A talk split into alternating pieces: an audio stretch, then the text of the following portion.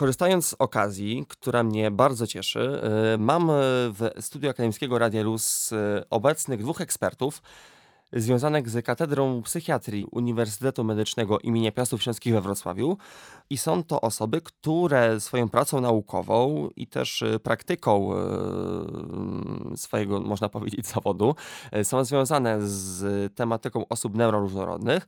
Ja od tych prawie dwóch lat na tej podkreślam po mojej potwierdzonej diagnozie ADHD, że ja jestem przede wszystkim reprezentantem tej podgrupy, ale skupiając się stricte na samym ADHD, chciałbym dzisiaj z moimi gośćmi, których już przedstawiam, czyli z profesorem Błażejem Misiakiem, kierownikiem Katedry e, Psychiatrii Uniwersytetu Medycznego we Wrocławiu i z profesor Moniką Szewczuk-Bogusławską, również związaną z katedrą. E, chciałbym porozmawiać wokół tematyki, jak zdestygmatyzować sam temat ADHD, także ADHD u dorosłych, bo to jest ten temat, który właśnie w Polsce ostatnio troszeczkę się nagłośnił.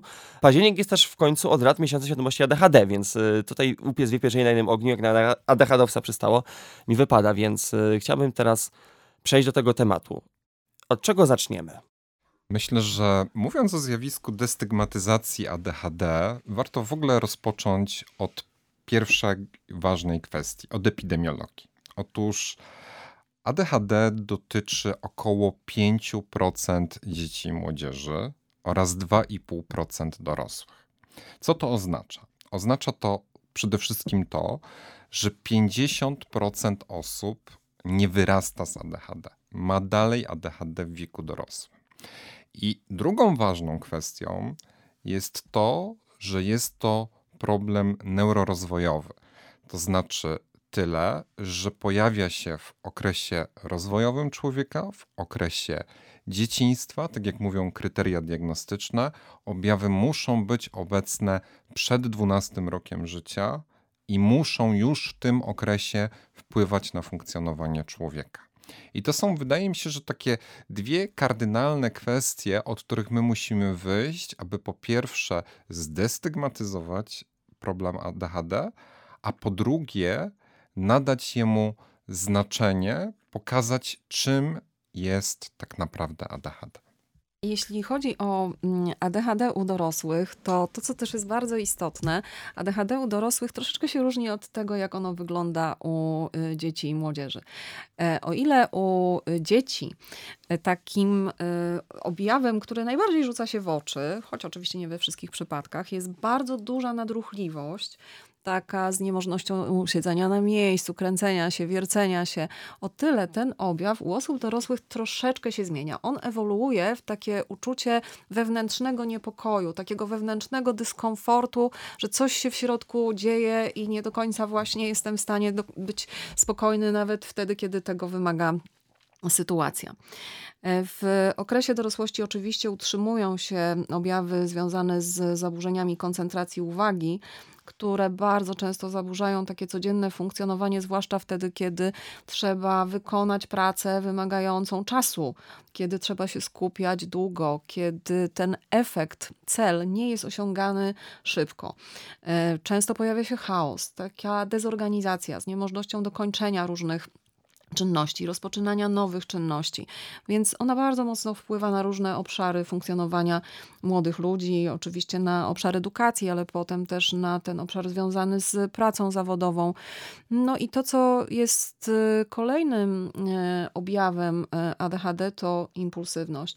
Impulsywność rozumiana jako takie działanie, e, które nie podlega refleksji, które jest właśnie związane z brakiem wytrwałości, ale które ma w sobie też taki komponent emocjonalny, czyli podejmowania różnych nagłych działań pod wpływem bądź to emocji pozytywnych, typu na przykład ekscytacja, bądź emocji negatywnych, ona też jest niekorzystna z perspektywy osób, które mają e, ADHD i, i mocno wpływa na ich mm, codzienne zachowanie, często prowadząc również, mając związek z pewnymi zachowaniami ryzykownymi na przykład.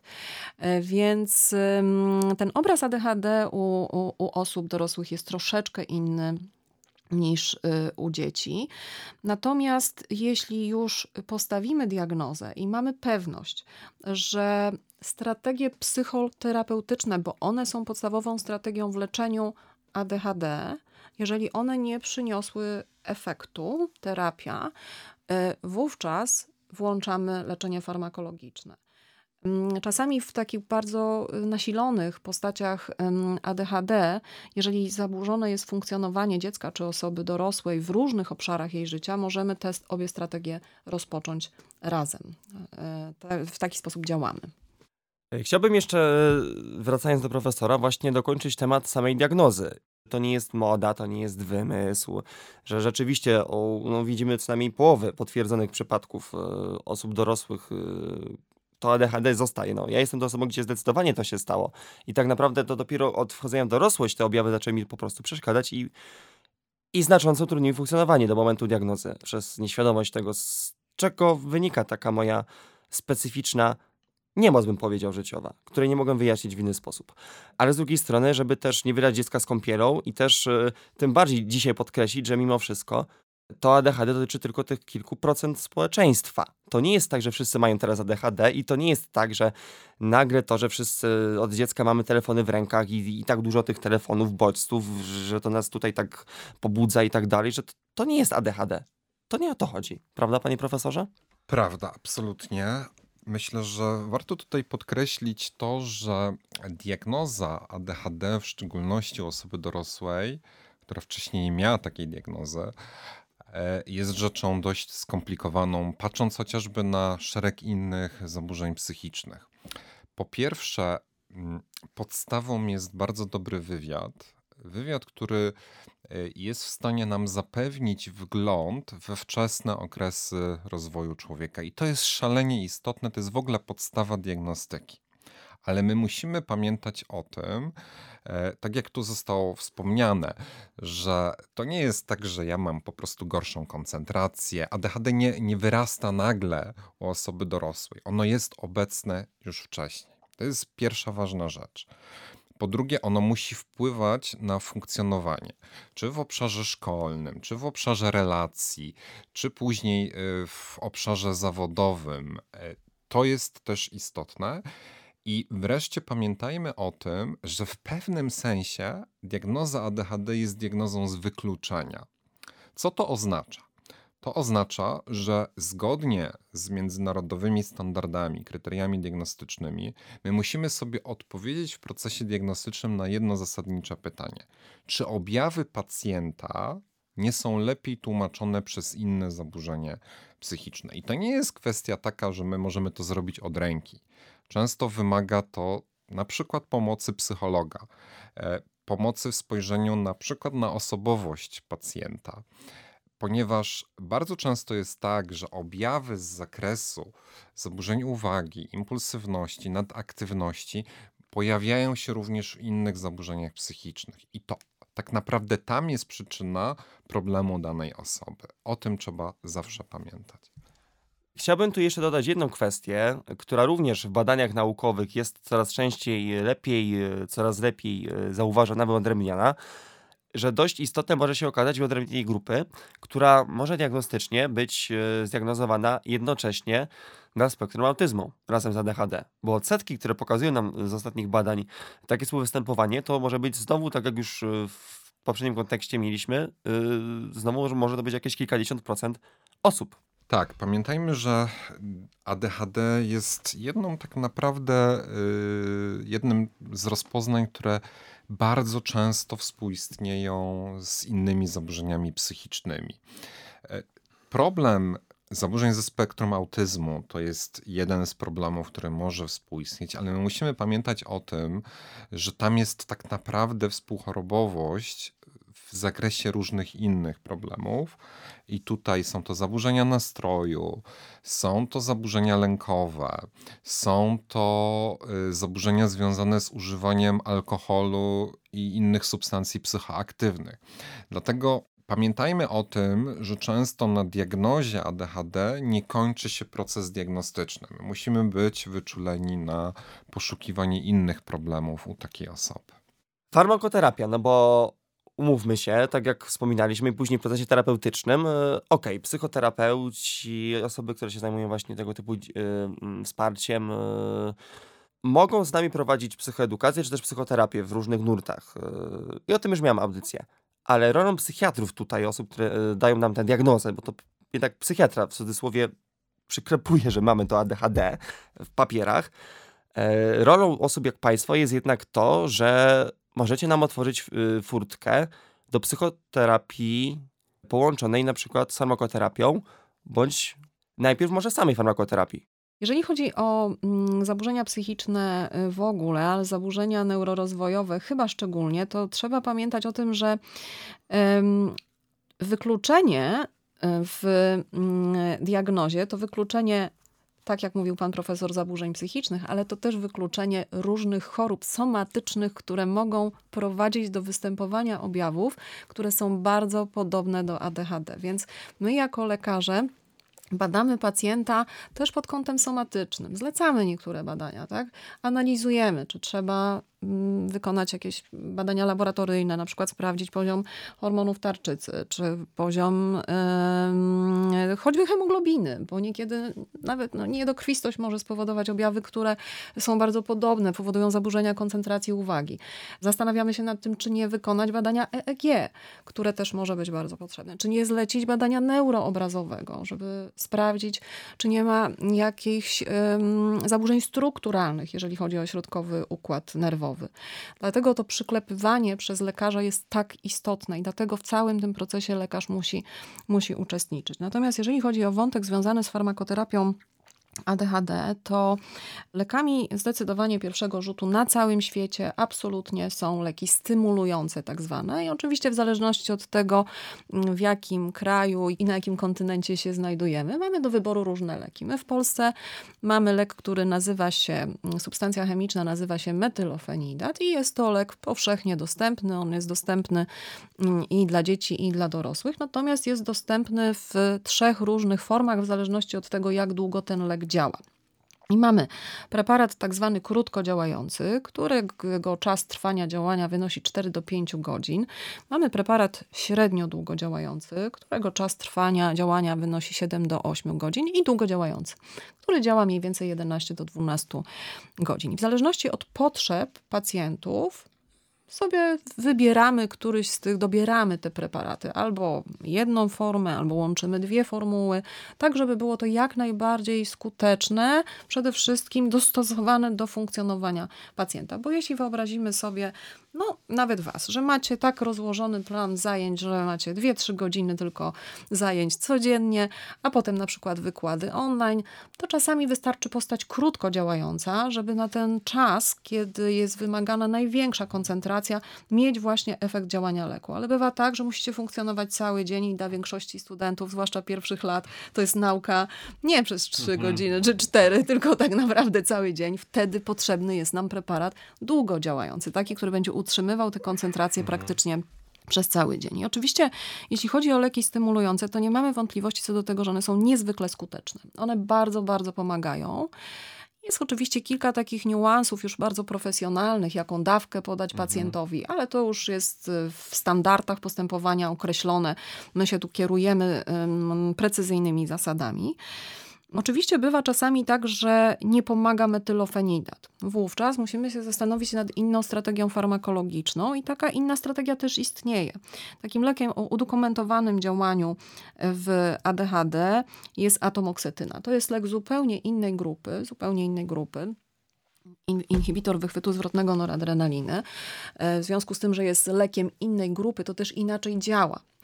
Na przykład taka podstawowa różnica pomiędzy atomoksetyną a metylofenidatem jest taka, że żeby uzyskać efekt działania atomoksetyny, trzeba czekać. Czekać kilka tygodni.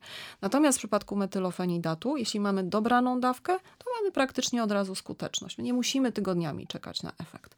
Wracając do e, atomoksetyny, ten lek także jest dostępny w Polsce w różnych dawkach. To jest taki lek, który działa długo, on się utrzymuje w organizmie, więc tutaj nie zastanawiamy się nad tym czasem potrzebnym. Nie mamy różnych y, postaci, mamy atomoksetynę po prostu w różnych dawkach dostosowanych do przede wszystkim masy ciała naszego pacjenta. Jeżeli chodzi o e, farmakoterapię, to to, o czym też musimy pamiętać, to tak zwane objawy niepożądane farmakoterapii. Trzeba zdawać sobie sprawę z tego, że nie każda osoba będzie mogła stosować dany lek. W przypadku metylofenidatu mamy kilka takich objawów niepożądanych, które z perspektywy pacjenta mogą być mm, szkodliwe. Jednym z nich jest spadek apetytu. Jeden z najczęstszych objawów niepożądanych przy metylofenidacie po prostu nie ma apetytu, nie chce się jeść i może dochodzić do spadków masy ciała. Więc u osób bardzo szczupłych jest to absolutnie e, taki objaw, który trzeba monitorować. Mm, stymulanty mogą mieć wpływ na ciśnienie tętnicze, na tętno. To jest coś, co też y, trzeba sprawdzać w trakcie leczenia y, stymulantami. Mogą powodować takie objawy jak bóle głowy, czy, czy zawroty głowy, zaburzenia snu, mm, bóle brzucha. Więc jeżeli chodzi o leki, to, to podejście do farmakoterapii jest zawsze indywidualne. Zawsze zależy od tego, jak zareaguje pacjent, czy mamy jakieś ograniczenia w momencie, kiedy mamy zastosować lek, czy możemy ten lek zastosować stosować. Natomiast absolutnie e, psychostymulanty są właściwie no, rekomendowane u osób e, dorosłych jako to leczenie e, pierwszego rzutu mm, ADHD. To teraz odbijając piłeczkę do profesora, chciałbym się dowiedzieć, co się w tym mózgu takiego ADHDowca jak ja najczęściej dzieje, że mamy wpływ tych substancji na funkcjonowanie. O co w tym chodzi?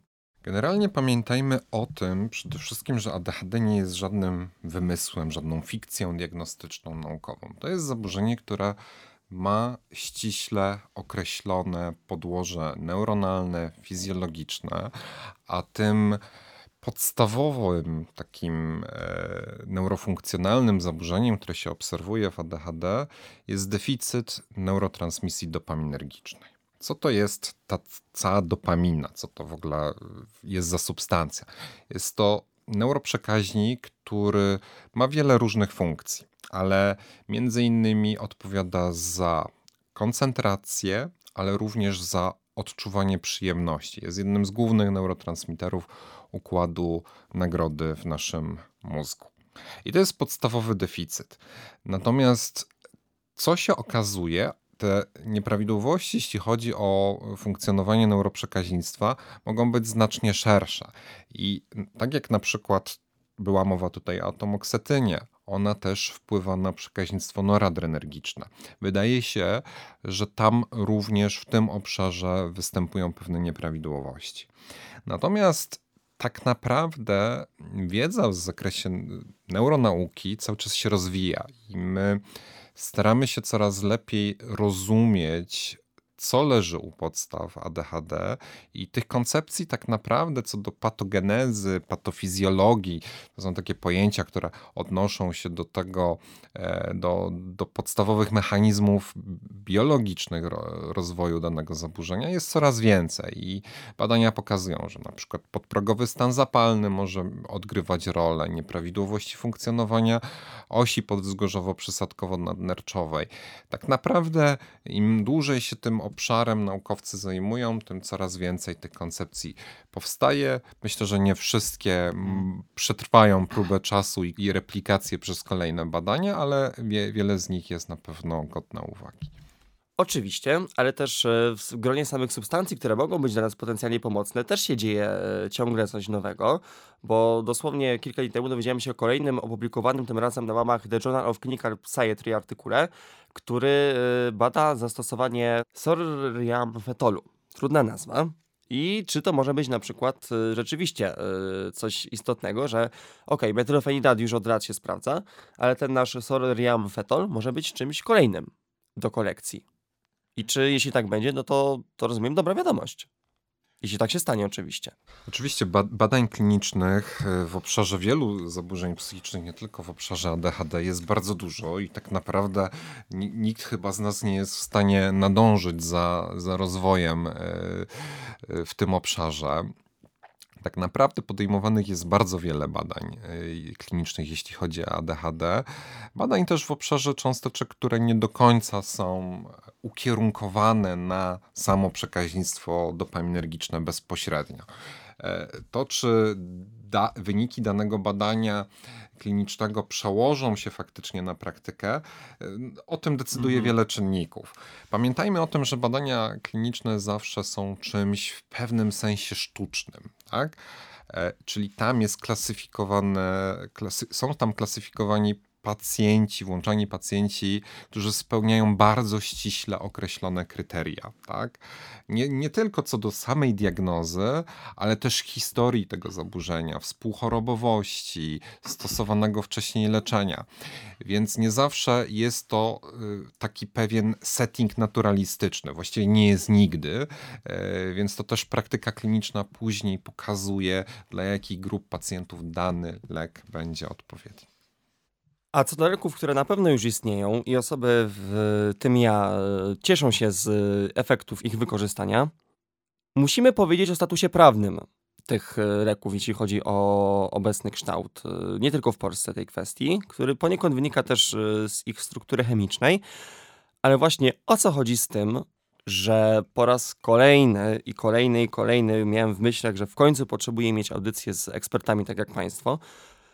Dlaczego my ADHDowcy nie tylko nie zmyślamy sobie tego ADHD, ale my nie jesteśmy narkomanami, nie jesteśmy osobami, które szukają legalnej metamfetaminy, nie jesteśmy osobami, które po prostu chcą sobie oszukać przeznaczenie i stosować sobie zakazane substancje, tylko że to są substancje, które rzeczywiście mogą nam nieraz pomóc y, ograniczyć ryzyko na przykład zachowań samobójczych albo zapobiec y, ograniczyć uzależnienia, bo to jest y, coś, co jest dużo bliższe prawdzie. Ale po kolei, zacznijmy właśnie od tego statusu i skąd się te mity szkodliwe, które chcemy teraz odkłamać, wzięły, panie profesorze?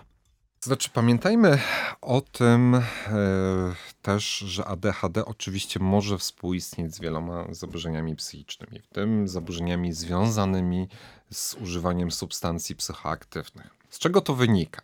Jak wspomniałem, do, e, jedną z hipotez jest właśnie deficyt przekaźnictwa dopaminergicznego. Takie osoby mogą być bardziej podatne. Mówi się o takiej koncepcji w wielu zaburzeniach psychicznych samoleczenia.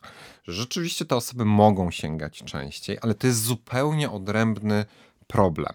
Leki, które my stosujemy w ADHD, po pierwsze są to leki zarejestrowane, które przeszły badania kliniczne, zostały y, zaakceptowane do, do leczenia, są obecne w wielu wytycznych leczenia zaburzeń psychicznych. I tak naprawdę pamiętajmy o tym, że one y, po pierwsze leczą objawy tu i teraz, jak w przypadku metylofenidatu, ale też mm, ograniczają e, występowanie zaburzeń współistniejących, między innymi zaburzeń związanych z używaniem substancji psychoaktywnych, ale badania pokazują również, że mogą wpływać pozytywnie na ryzyko pojawienia się innych zaburzeń psychicznych, takich jak na przykład zaburzenia nastroju. Ten status prawny to rzeczywiście, jeżeli chodzi o y, leki y, stymulujące, to one są wypisywane na szczególny typ recept. To jest recepta inna niż recepta tradycyjna, a to dlatego są wypisywane na ten inny typ recepty, że rzeczywiście metylofenidat ma potencjał uzależniający, z tym, że nie uzależnia osób, które mają ADHD. Więc y, dlatego jest e, takim lekiem, który jest y, obarczony pewnym ryzykiem wywołania na przykład uzależnienia. I stąd ten status, o który, o który pytałeś. Hmm. Tak? Recepty, na których po prostu mamy takie jak gdyby ścisłe rozliczenie każdego opakowania, limit wypisywanych opakowań. I to jest konieczne, dlatego, żeby nie dochodziło do różnego rodzaju nadużyć. Jeżeli chodzi o kwestie związane jeszcze z tym y, uzależnieniem od, od metylofenidatu, to y, tak jak pan profesor tutaj wcześniej wspominał, o układzie nagrody mowa tutaj, osoby, które mają ADHD się nie uzależniają od metylofenidatu, dlatego że mają deficyt neuroprzekaźnictwa dopaminergicznego. Więc u tych osób mamy bezpieczne bezpieczeństwo, takie poczucie bezpieczeństwa, że stosujemy metylofenidat, ale nie rozwinie się u nich uzależnienie. Natomiast jeśli metylofenidat będzie brała osoba, która nie ma ADHD, czyli ma normę przekaźnictwa dopaminergicznego, tak to sobie zobrazujmy, to jak zacznie stosować ten metylofenidat, to będzie miała więcej tej dopaminy, będzie w sposób nieprogramowany stymulował się ten układ nagrody, i może rozwinąć się uzależnienie. I stąd ten taki specyficzny też status właśnie prawny tego metylofenidatu. Osoby z ADHD jak najbardziej powinny w wielu przypadkach stosować farmakoterapię metylofenidatem, natomiast osoby, które tego ADHD nie mają, no po prostu są narażone na ryzyko mhm. rozwoju uzależnienia. Przy czym chciałbym dodać jeszcze jedno krótkie stwierdzenie, które często też na grupach dyskusyjnych nas ADHD-owców się pojawia, podparte wypowiedziami samych osób, które specjalistycznie e, się zajmują e, diagnozowaniem, że odpowiedź na leki bądź jej brak to też jednak mimo wszystko nie jest kryterium posiadania bądź nieposiadania. Bo można być w takim wąskim e, kryterium, wąskim zakresie, że w cudzysłowie rasowy ADHDowiec nie zareaguje na przykład bardzo mocno, zauważalnie e, na bentylofenidat, że w cudzysłowie nie zrobi mu różnicy czasem ten bentylofenidat w ogóle, albo odwrotnie, co też powinno tym bardziej zapobiec próbom poszukiwania na własną rękę, czyli na przykład pożyczaniem sobie, e, czy, czy znajdowaniem źródeł tych substancji, no, no, no, no, no takich nie, nieoficjalnych, delikatnie mówiąc, które owszem, mają status prawny oficjalny, tak, ale to nie jest tak, że wzięcie tabletki wykluczy, czy nie wykluczy tego, że mam, czy nie mam ADHD, bo to według mnie też warto wśród ludzi podkreślić, bo to też ciągle jest bardzo szeroko rozpowszechniony mit, y, czy kwestia w rozmowach, tak mówiąc o, o, całym społeczeństwie, bo tutaj chcę tak szeroko spojrzeć na to, jak się o ADHD myśli, zwłaszcza wśród osób, które nie mają jakoś z nim do czynienia e, w najbliższym otoczeniu. Tak, ja myślę, że to jest problem, e, który ma dwie strony. Po pierwsze, osoba, e, która faktycznie ma ADHD, może nie zareagować na leczenie, po drugie, może rozwinąć objawy uboczne, które zniechęcą tą osobę z różnych względów. Mhm. Być może nieprawidłowa dawka, e, być może w ogóle danego leku nie może stosować. Ale drugą kwestią jest też to, że osoby, które nie mają ADHD, mogą odczuwać jakieś subiektywne korzyści ze stosowania metylofenidatu. I to też jest zagrożenie w tym przypadku. Zatem konkluzja jest tak naprawdę jedna. Trzeba po pierwsze udać się do specjalisty, który powinien rozpocząć proces diagnostyczny i go oczywiście poprowadzić zgodnie z zaleceniami, zgodnie z wytycznymi i zamknąć też mhm. ten proces. Całe zamieszanie bierze się stąd, że rzeczywiście w niektórych krajach, zwłaszcza w Stanach Zjednoczonych, pochodne amfetaminy są zarejestrowane do leczenia y, ADHD. I podejrzewam, że z tego powodu mamy to takie troszeczkę zamieszanie, także takie wrażenie, że metylofenidat to jest jakaś y, amfetamina, czy metamfetamina, czy, czy y, jakiś, y, jakaś inna mm, formuła. Natomiast mm, i metylofenidat, i te pochodne amfetaminy, które są zarejestrowane do leczenia ADHD, to są preparaty absolutnie legalne. Tak. One po prostu mają te rejestracje, co oznacza, że przeszły przez całe fazy badań klinicznych i że zostały zarejestrowane przez FDA, to jest organizacja, która zajmuje się rejestracją leków w Stanach Zjednoczonych, że przeszły przez cały bardzo rygorystyczny proces tych badań i że one temu właśnie służą, czyli że przynoszą korzyści, a nie szkody. Jeszcze jeden wątek dotyczący stosowania e, substancji no, stymulujących, leków stymulujących, czyli metylofenidatu i innych, jeżeli chodzi o ich związek z uzależnieniem, to tak naprawdę u osób z ADHD są badania pokazujące, że chronią, że stosowanie tych leków chroni osoby z ADHD przed rozwojem uzależnienia. Czyli tak naprawdę warto postawić diagnozę wcześniej, warto wcześniej zacząć farmakoterapię zarejestrowaną, bezpieczną substancją, niż nie diagnozować, co może się wiążeć z tym, tak, tym, o czym wspomniał pan profesor Misiak, poszukiwaniem na własną rękę substancji, która pomaga i rozwijaniem się procesu uzależnienia. Myślę, że też e, my nie powinniśmy demonizować mm, leków, które są zarejestrowane w innych krajach. Właśnie faktycznie pochodne amfetaminy są stosowane i, i są stosowane też w niektórych krajach europejskich, jak na przykład lisdexamfetamina, ale one mają też ściśle określone miejsce w swoich wyty wytycznych leczenia ADHD, bo to nie są leki, które e, według zaleceń my możemy tak od razu lekką ręką włączyć pacjentowi. E, są ściśle określone wytyczne, na którym etapie my możemy o tym myśleć. I jeszcze wracając do pani profesor, jeśli to słyszycie, to znaczy, że mogę się z tego wygadać. E, no miała też e, pani okazję uczestniczyć e, dosłownie kilka dni temu w Polskim Kongresie na temat ADHD. Był też niedawno największy globalny kongres w Amsterdamie, który jest tam też cykliczny.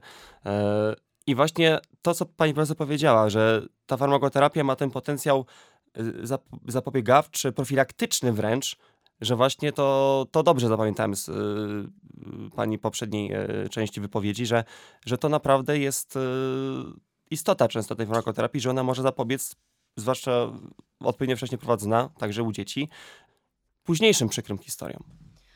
E, dokładnie tak. Zapobiec nie tylko uzależnieniom, o, którym wcześniej, o których wcześniej wspominałam, ale może również zapobiec rozwijaniu się innych potencjalnych zaburzeń psychicznych na przykład właśnie zaburzeń osobowości czy czy zaburzeń związanych ze sferą emocjonalną y, pacjenta. Jeżeli chodzi o kongres, to rzeczywiście kongres ADHD jest jednym z takich najważniejszych wydarzeń w kalendarzu konferencji psychiatrycznych, zwłaszcza dla psychiatrów dzieci i młodzieży, ale nie tylko.